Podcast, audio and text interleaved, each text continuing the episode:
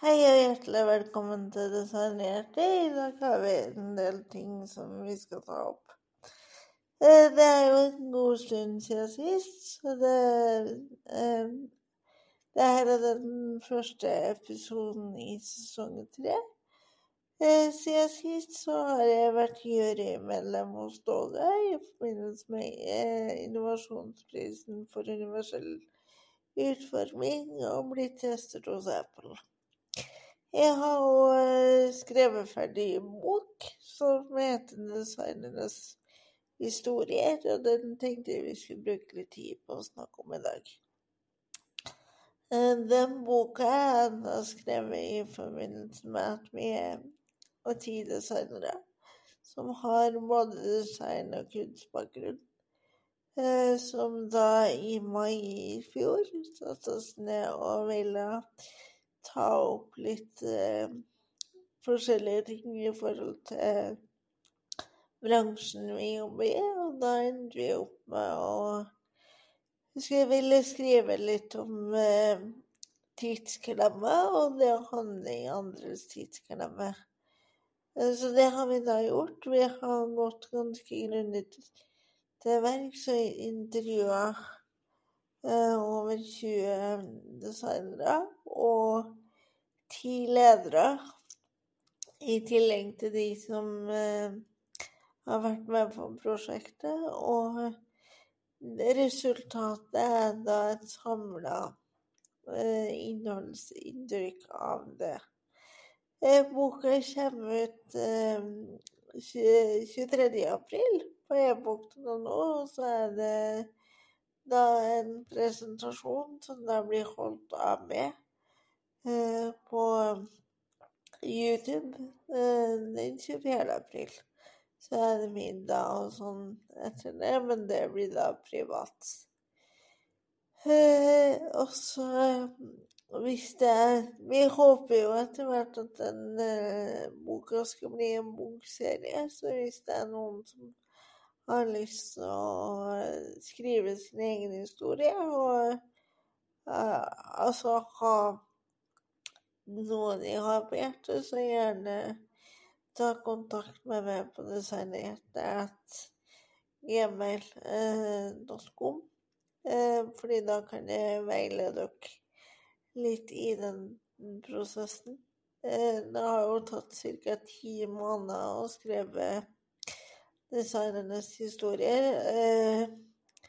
Eh, Nå fristiller jeg det konseptet, sånn at det kan godt hende at neste bok får en annen tittel, men eh, hoved, hovedkonseptet er da at man tar en eh, samling på ti personer, og så har man en som da blir en slags lagleder, som da har ansvaret for eh, å sørge for at eh, prosjektet eh, går i havn, holdt jeg på å si. Og så er det skrivelederen da et personlig kapittel, og det er for å få forskjellige synsvinkler hver gang, og hva vedkommende da er opptatt av. Eh, og så sa jeg jo innledningsvis at jeg har blitt tester for Apple, eh, og i forbindelse med arbeidet med boka, så var jeg så heldig å få lov til å være konsulent både for Den norske turistforening og for Rådet for psykisk helse, og der lagde vi da tre apper som er ganske ulike, som da eh, Der den ene handler om en film, en interaktiv film, om kronisk depresjon, eh, som jo er et ganske alvorlig tema i seg sjøl. Sjøl så har jeg ikke hatt noe erfaring med det, men det har vært veldig interessant å se hva som skal til da, for at man havner i en sånn situasjon. Og i den filmen så er det da interaktive valg som du da som spiller kan ta underveis for å på en måte prøve å bedre situasjonen til vedkommende gjennom dialog, og for å få en forbedrelse, bedre forståelse sjøl, da. enten er du forhåpentligvis eh, enn det du ville fått hvis du ikke hadde sett den.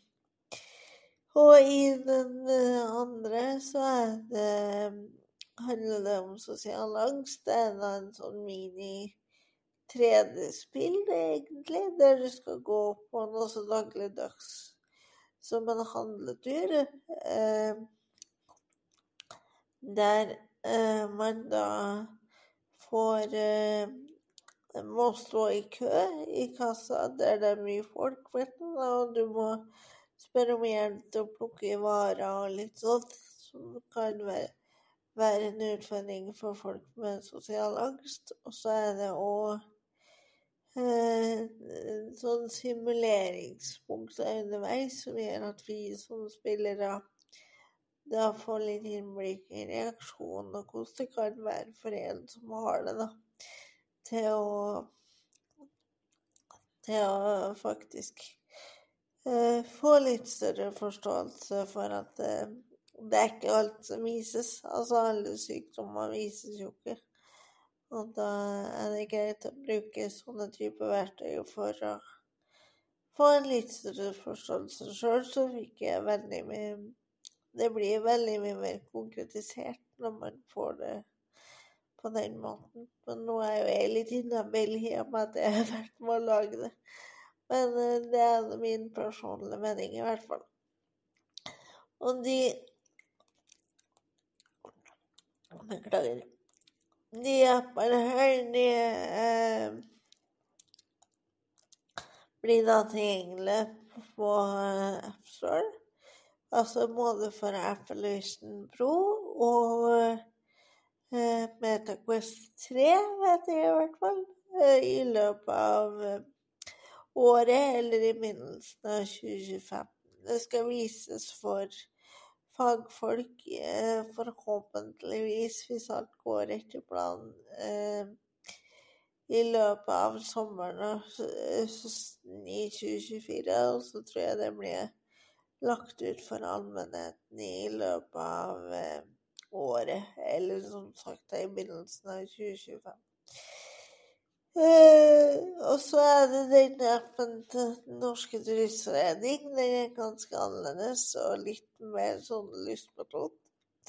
Der går man da faktisk på tur. Så der kan du velge mellom eh, Glitterin, eh, Svolværheita eh, og Preikestolen og Snøhetta er på en måte de fire, fire destinasjoner som er der nå. Eh, og så kommer det helt sikkert flere etter hvert.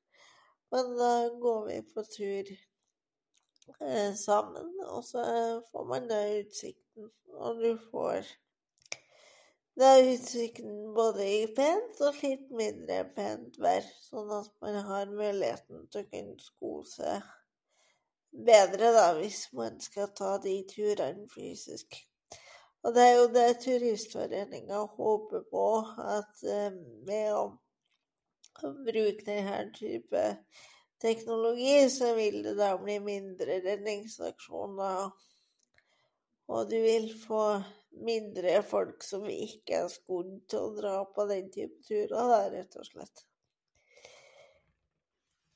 Så da har dere fått et lite innblikk i hva som har skjedd siden sist. Og hvis du da eh, syns at det her hørtes veldig interessant ut, eller at uh, du har en VR-app eller en AR-app som du har lyst til å teste sjøl, så er det bare å ta kontakt på designerhjertet at uh, gmail.com.